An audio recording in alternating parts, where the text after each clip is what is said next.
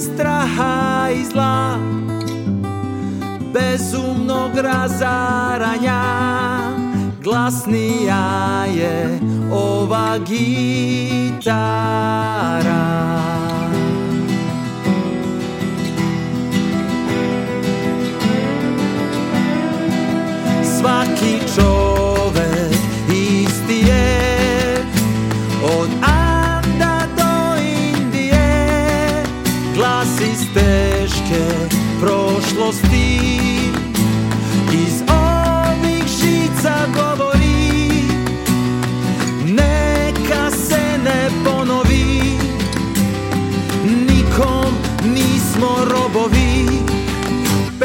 Ćemo dok nas služi glas Moja pesma je sa skele, da stignem do zvezda, jer pesma ima smisla kada kuca u šilama onoga koji će umreti pevajući prave istine, a ne prolazna laskanja.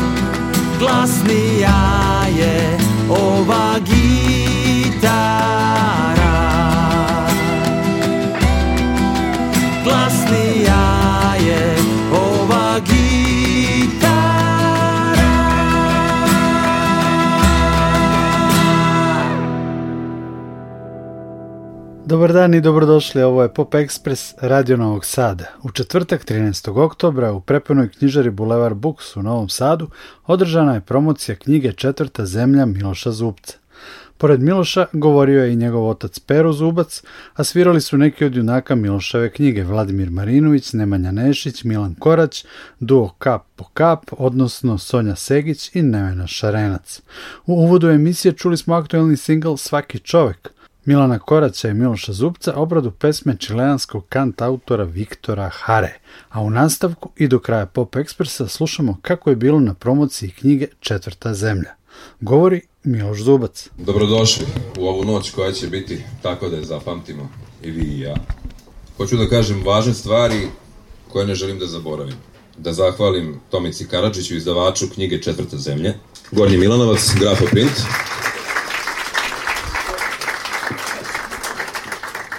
Da zahvalim Milanu Gagiću koji je ilustrirao ovu knjigu. Knjiga je pisana dugo, 15 godina. Crtana je još duže. Dva puta toliko. Zato je ona toliko važna. A ja sa Milanom imam džentlmenski sporazum, da ga ne hvalim ovde pred vama. I ja ću podržati svoju reč. Ono što mislim o Milanovom crtanju, ja sam napisao u o ovoj knjizi. Hvala njemu. Hvala mojoj Vesni Stojaković koja je sa mnom prevodila pisma koja se nalaze u ovoj knjizi, a napisao ih je Jay Bolotin, američki kantautor za koga niste čuli. Hvala svima vama što ste došli i što možemo zajedno večeras u četvrtu zemlju. Četvrta zemlja. E, Dve uspomene hoću da podelim s vama. Nisu one u vezi sa knjigom, ali su u vezi sa čovekom koji je pisao tu knjigu, kako sam ja svoju svest gradio, da mogu ovakvu knjigu da napišem. Jedna uspomena u vezi s mojim ocem koji je danas tu, a to je velika sreća i ja ću ga kasnije zamoliti da, da vam nešto kaže. jer moglo je da se desi da bude danas na putu.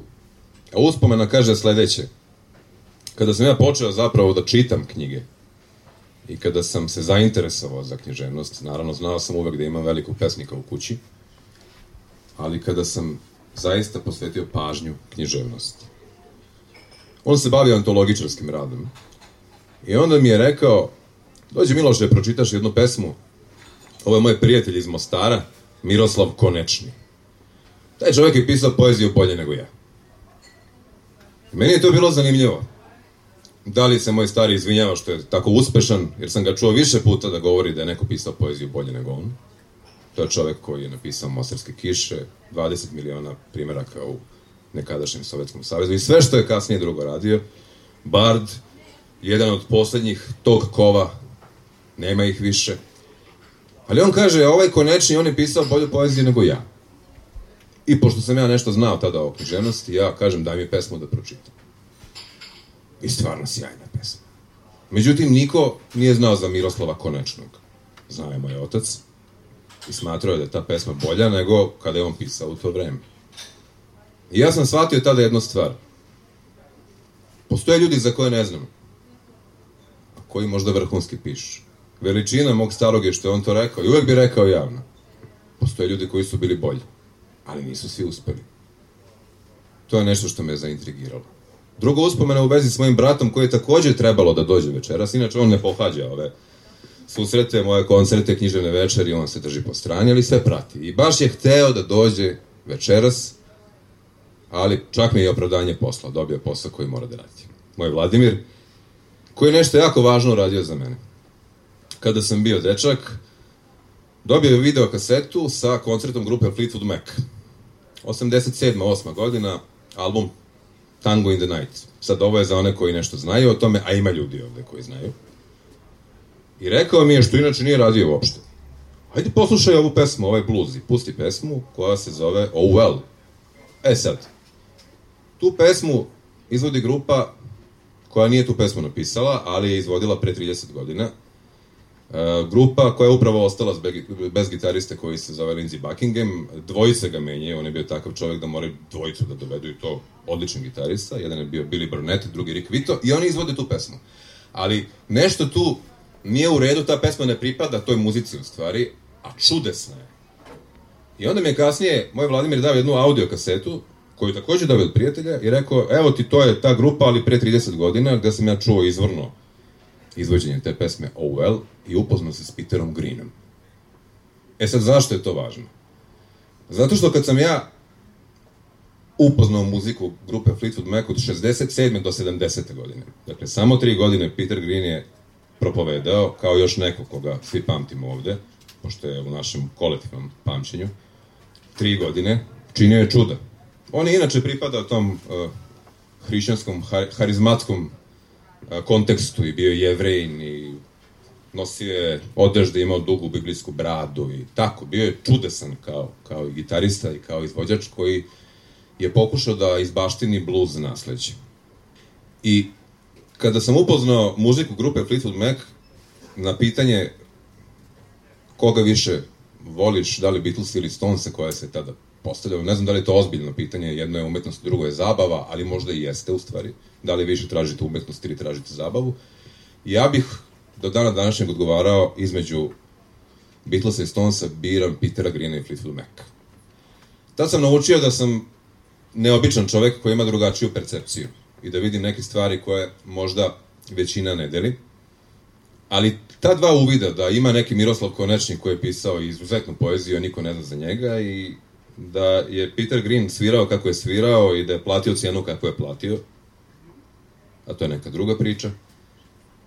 To je mene formiralo kao čoveka koji sluša, čita, gleda i na kraju piše. U ovoj knjizi postoje vertikale ljudi koji su stubovi do neba za nas. Jedan Đorđe Balašević, kome ću se kasnije vratiti, jedan Bob Dylan koji je prvi ovde nacrtan. Zašto je on važan? On se samo sporadično pominje u ovoj knjizi, ali on je čovek koji je uspao, uspeo, on je ono odabrani, jel? The Chosen One, jedan jedini. Na kraju je čak došla i ta validacija i sveta književnosti sa Nobelovom nagradom. Postoji moj otac da bome, jer sam napisao esej o njegovom pesništvu koji on neobično voli. Tu je Miroslav Antić, tu je Duško Trifunović, to su ljudi za koje svi znate. To su te vertikale.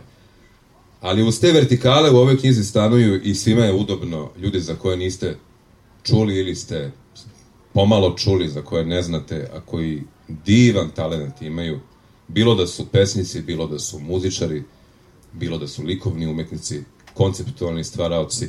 I svima njima, tokom 15 godina, ja sam nalazio mesto u četvrtoj zemlji. Taj esej, konkretno četvrta zemlja, naslovljen je po tekstu o albumu grupe Stray Dog, koja je ovde svirala više puta. Tu je Srđan Stranjić, koji je Dukatov otac.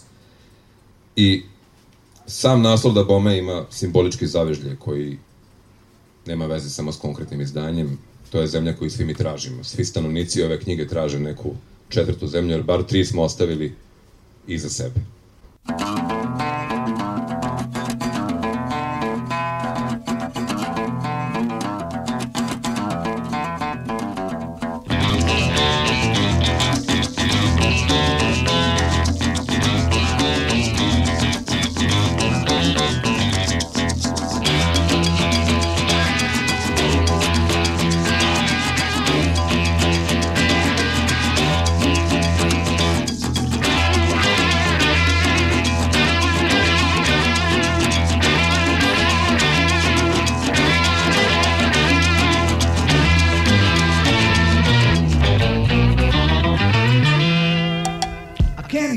shape I'm in. I can't sing, I ain't pretty, and my legs are thin. But don't ask me what I think of you. I might not give the answers that you want me to.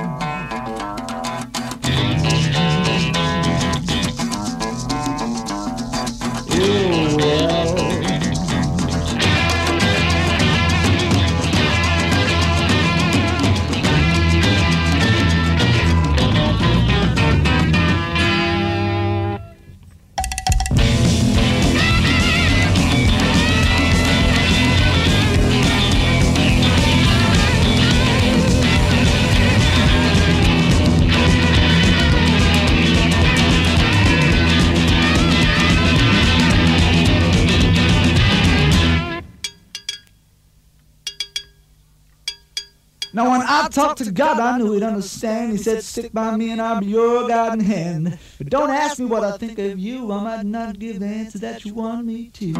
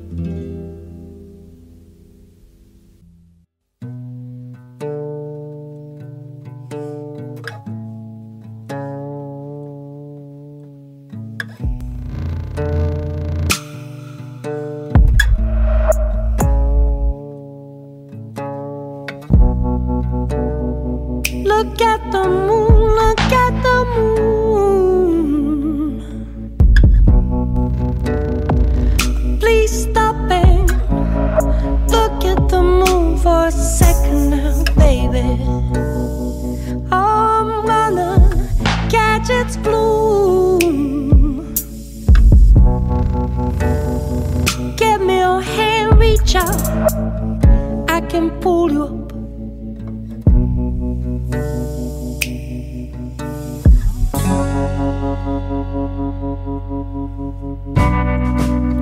And I just stood there, confused for some time. Try to reach you, try to stretch so high she was already sitting on the moon. Up in the sky, up in the sky, up in the. Look at the moon, look at the moon. She said.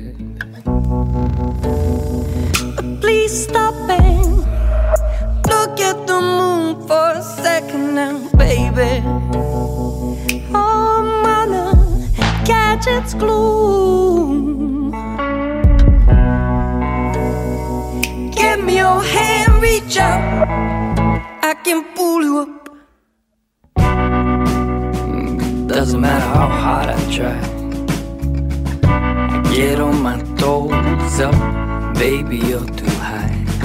I can almost feel your hand pulling me up, pulling me up, but I know it's the wind, it's your mind, it's your freedom that makes you fly. Or can I reach those heights? I'm staying down, down, maybe wait for you. But for now, I just wave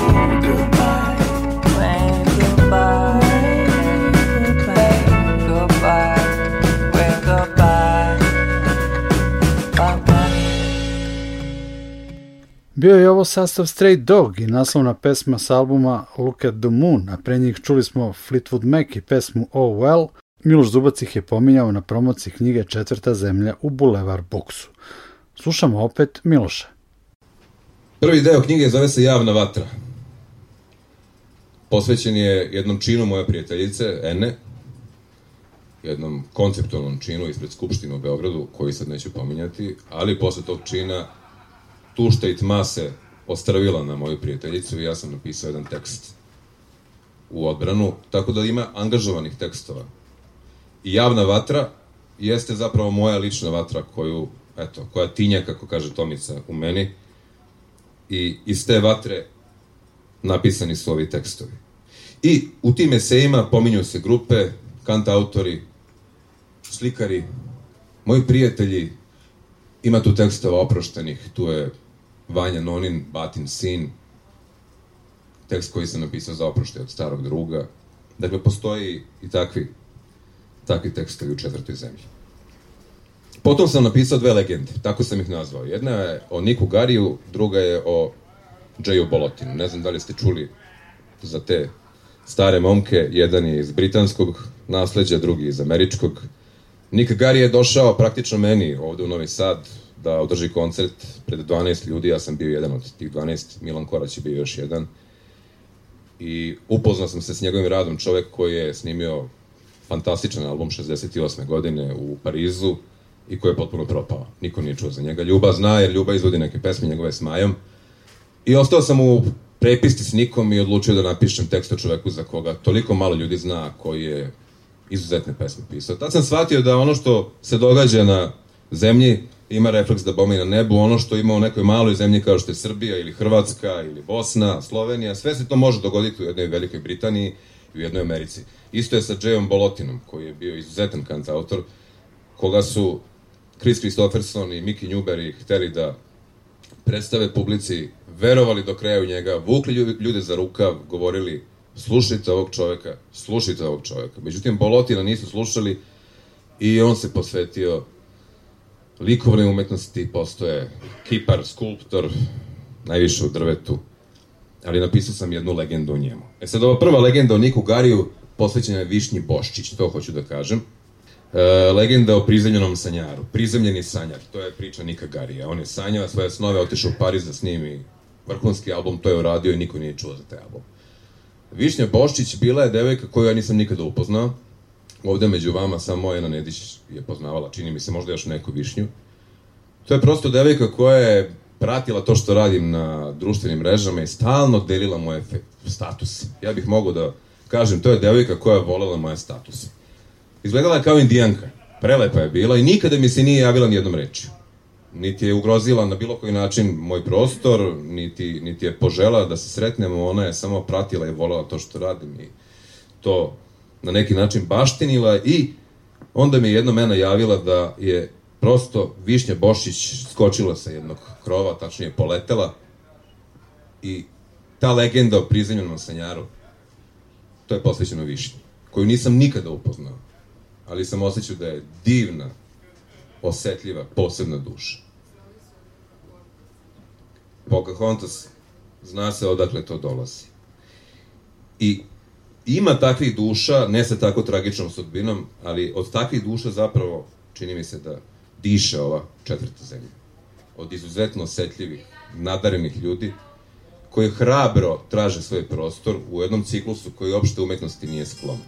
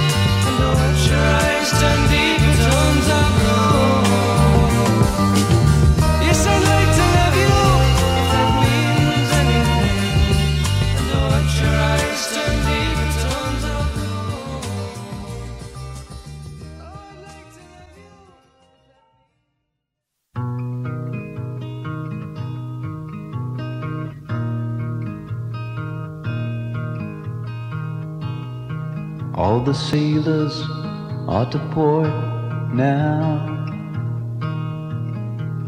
All of their ladies waiting with flowers for all of their men who have been warriors. Some have been waiting here for hours. No one seems to notice that it's raining.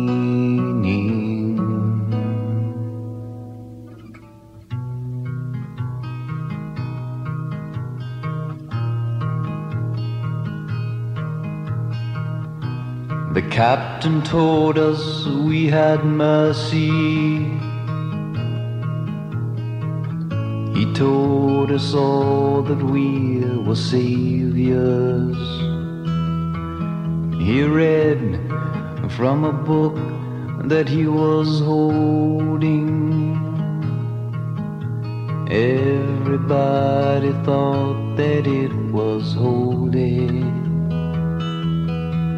And no one seems to notice that it's raining.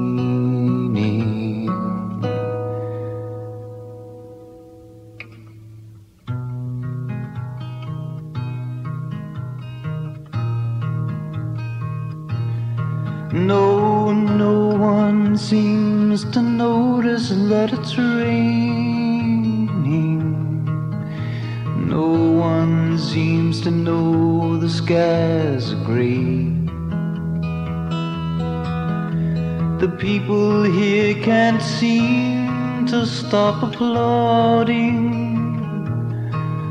It sounds a bit like thunder to my ear. No one seems to notice that it's raining. Ovo je Pop Express.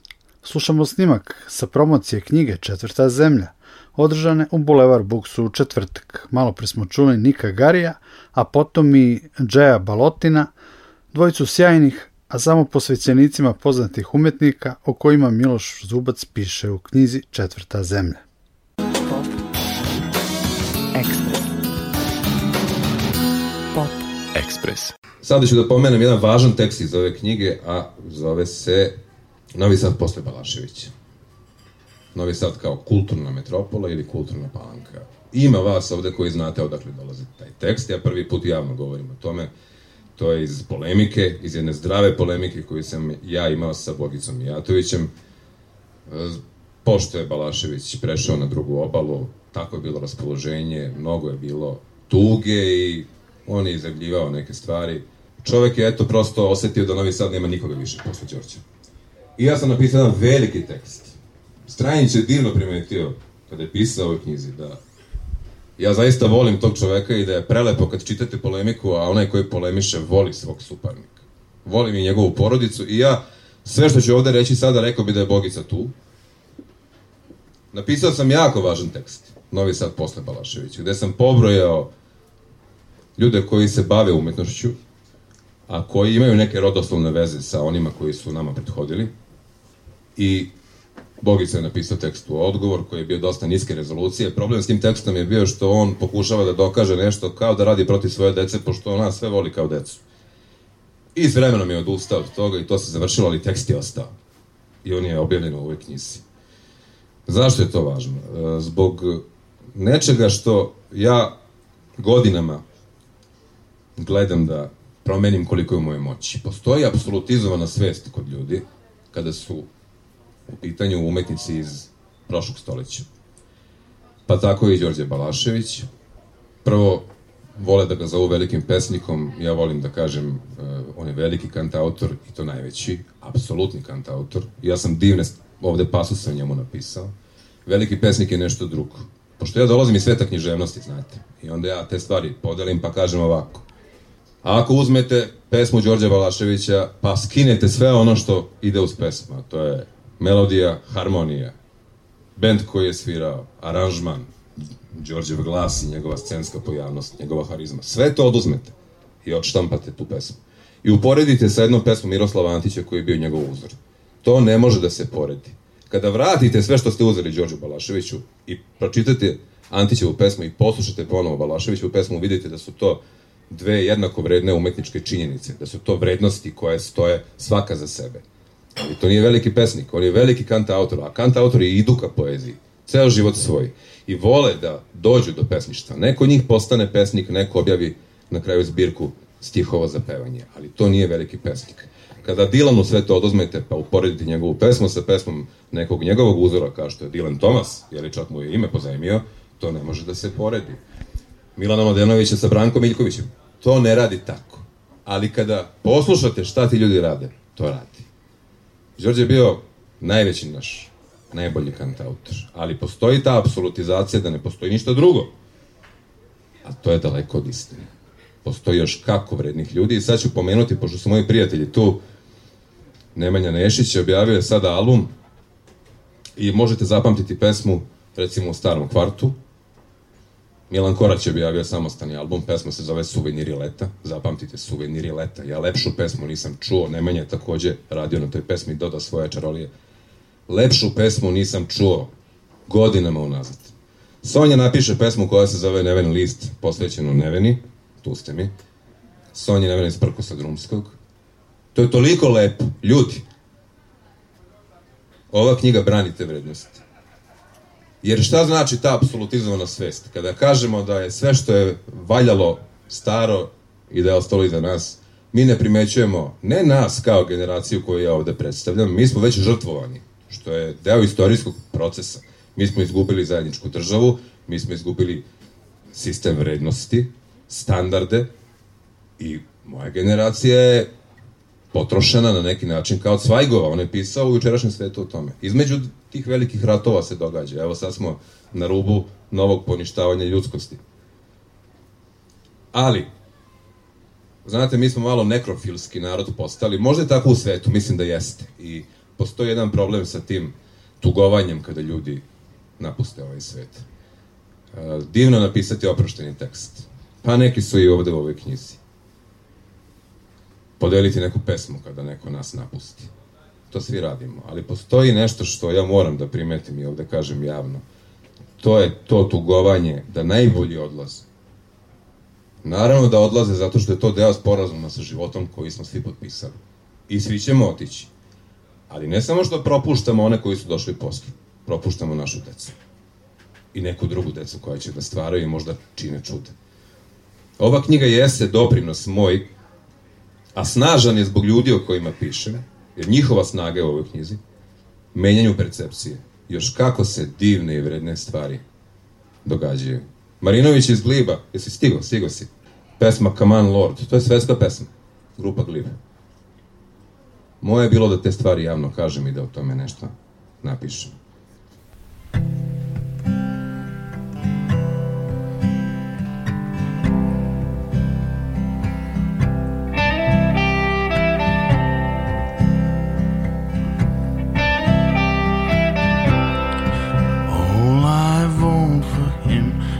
Fly before he sinks down.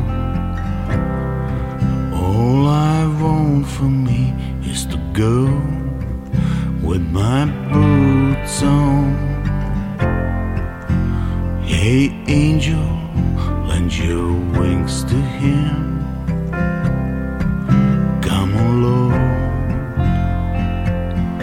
have some mercy on me.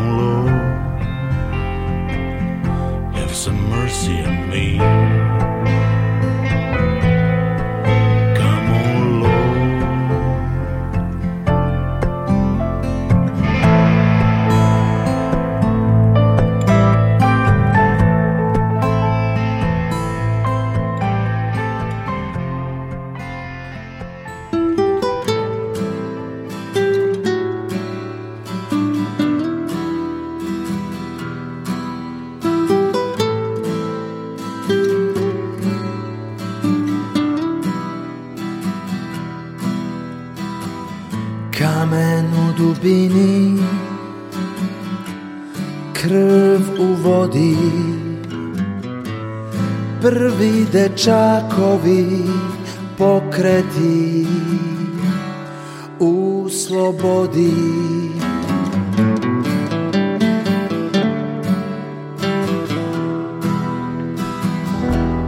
Šestoro nogu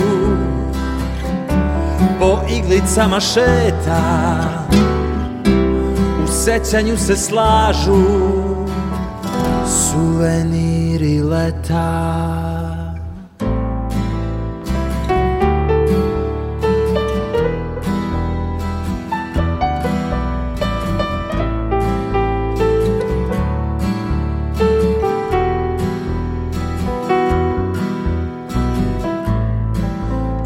Groma Rascepljeno drvo Staroga kedra Da bome je šteta. Sad u miru dnevne sobe S police mirišu Suveniri leta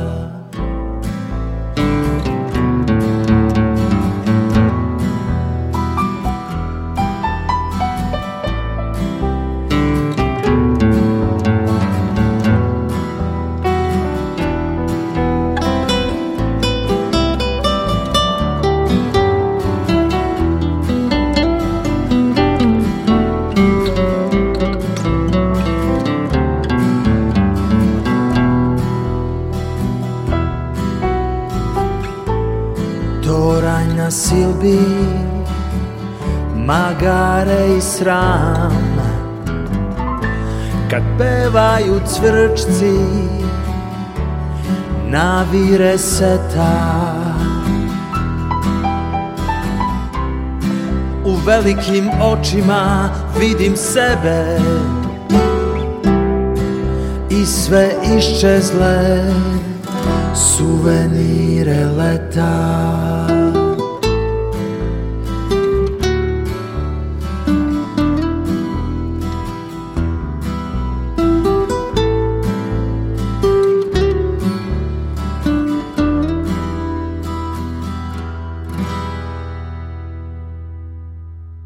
Ja sam tamo 2000. godine, 99. 2000. puno razgovarao sa Slobodanom. Puno. Živjeli smo blizu, on je bio u Fruškogorskoj, ulica sa lepim drvoredom koja izlazi na Dunav. I onda sam odlazio kod njega da pričamo o umetnosti. I ja sam studirao književnost, studirao je i Sloba, ali nije završio taj fakultet, ali mogu da vam kažem da sam više naučio iz tih razgovora sa Slobodanom nego od mojih profesora koji nisu bili rađevi, naprotiv. Prosto čovek je živeo umetnost i toliko lepo znao je da prenese informacije koje su unutrašnje, koje su onako skupe, znate, ne dobijete to na studijama književnosti, morate živog umetnika videti pa pričati sa njim. Ali on je tada bio dosta ovako kolebljiv, što inače njegova crta ličnosti i smatrao da nije uspešan umetnik. To je bilo pre nego što je on dobio Ninovu nagradu i još neke ine nagrade kao književnik. I desio se jedan transfer, to je jako opet važno, to je treća uspomena. Za ovu knjigu bitna, dve sam pomenuo, treća je vezana za Slobodana Tišmana. Šta znači transfer? Dilan je nedavno, baš kada je dobio Nobelovu nagradu, napisao jedan tekst divan u kojem govori o njegovoj mladosti i o, o trenutku kada je bio na koncertu Badija Holija. I kako Dilan, a njemu ne možete uvek verovati da bome, ali divno je to što on vidi i što on napiše. Kaže kako se desio prenos. On je bio momak, niko još nije znao, znao za njega. Buddy Holly bio velika zvezda i brzo je izgoreo na tom nebu. On je bio u prvom redu u publici. Buddy je svirao koncert i Dylan je napisao samo se desio prenos. Pogledao je u oči tom velikom čoveku. Taj čovek nije znao ko je taj momak što tu stoji, da će on postati Bob Dylan ali taj pogled je bio dovoljan. I on je tada zahvalio Badiju Holiju za to, za taj prenos koji morate onako, zna, magijski, mistično da, da, da, da posmatrate, ali apsolutno je moguće. Kada sam ja pričao sa Tišmom, bit će da se desi jedan važan prenos između njega i mene. Ja sam postao, ili ostao, naročito osetljiv za te ljude sa, sa margine, e, u zagraničju kulture, kako ja kažem, jer on je sebe tada tako doživljavao. On je interesantan u ovoj knjizi, pošto osim tih vertikala koje smo pominjali i mnogih drugih koje, za, za koje i ne znate, i mojih prijatelja za koje znate, a čujete koliko su, koliko su to ovaj, veliki, divni umetnici i ljudi i koliko sam ja bogat čovek. Tišma neko ko je prešao taj put od margine ka prepoznavanju i vratio se brže volju marginu, pošto se tamo dobro osjeća. I ja sam tu osetljivost tada stekao u stvari. Mene su veoma zainteresovali ljudi koji nisu sigurni u sebe, a koji imaju ozbiljan, ozbiljnu potenciju umetničku, koji su uvek u nekom konfliktu sa sobom, da li je to dovoljno dobro ili ne. I njemu mogu biti zahvalan za te divne, nekonvencionalne časove književnosti uz čaj koji smo on i ja pili. E sad, konečni koga je Pero pominjao. To kad kaže on je pisao bolju poeziju nego, nego ja. To, sve se to dešava i mom životu kasnije na, kao jedan refleks u drugim okolnostima, u drugom ciklusu, u drugoj zemlji, u drugim standardima, ali ja nalazim ljude koji su bolji nego što sam ja u tome što, što radimo i kojima mogu da se divim, a za koje niko ne zna, ili malo ljudi zna. Dobro, za Milana i za Nemanju znate, i za, za Vladu, a, ko mene poznaje mora znati za Sonju i Nevenu, i za Prko Drumski.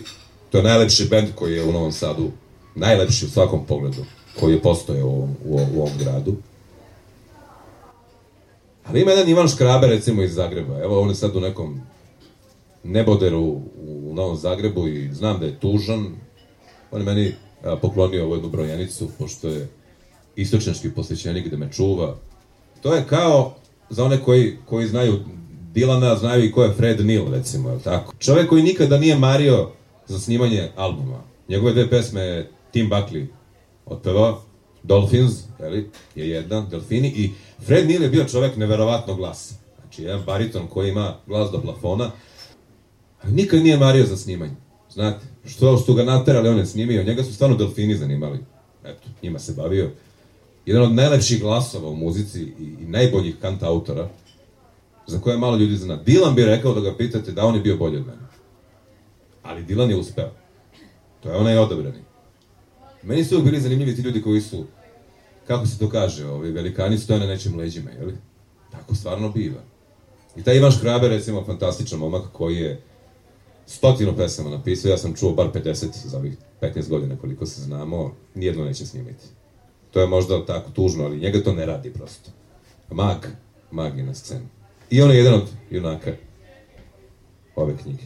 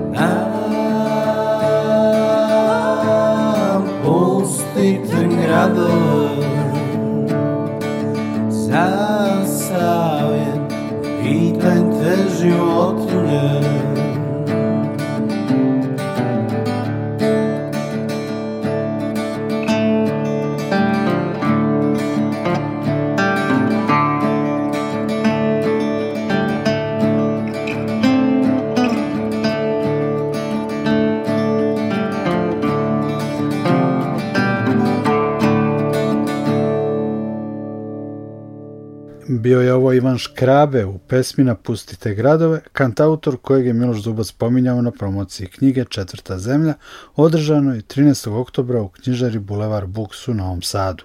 Pre njega čuli smo Vladimira Marinovića i Glib u pesmi Come on Lord i Milana Koraća u Suvenirima leta. Na kraju Pop Ekspresa slušamo i Peru Zubca i na samom kraju Miloševu pesmu Otac na balkonu. Nikola Glavinić vas pozdravlja i zahvaljuje na pažnji.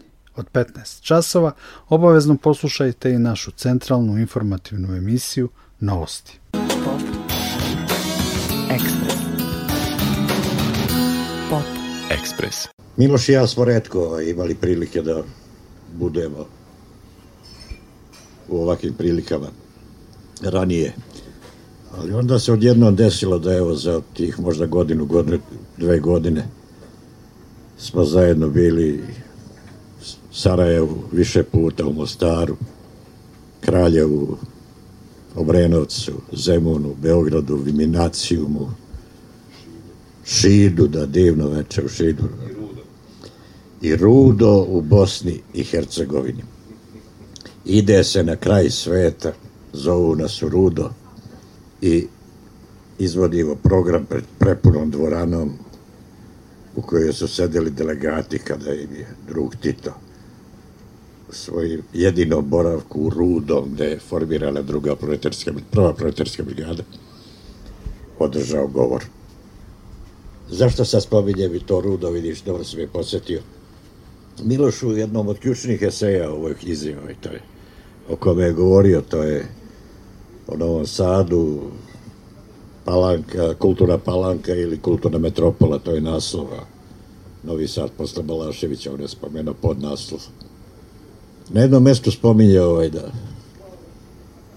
da se ne može očekivati od njega da napiše Mostarske kiše.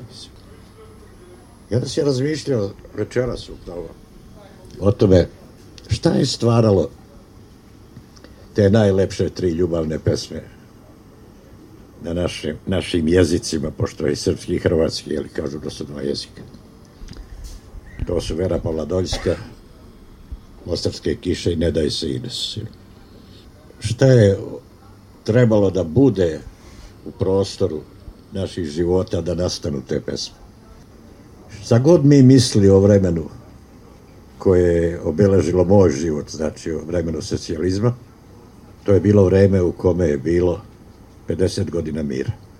Ove pesme su mogle nastati samo u vremenu nestraha i kolektivnog spokojstva.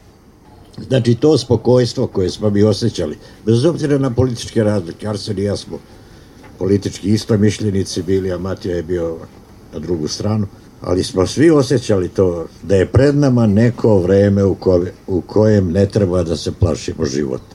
E sada toga vremena više nema, nadam se da će se kad tad vratiti, ako ga ja ne budem doživeo, doživeće. Doživećete vi, ja sam ovde najstariji.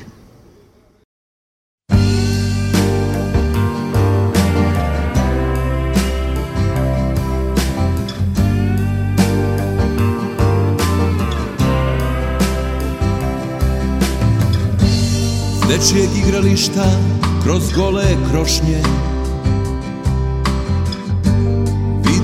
Oca na malom balkonu. Vremešne limanske zgrade. Stariji je od zgrade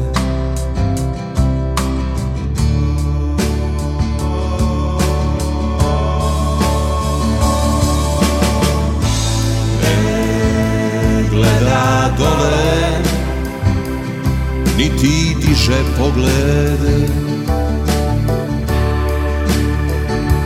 Posmatra ono što je između. Obojica delimo Cigaretu s vetrom. Naša budućnost udobno raspoređena na dve ljuljaške. Naša budućnost udobno. Raspoređena na dve ljuljaške.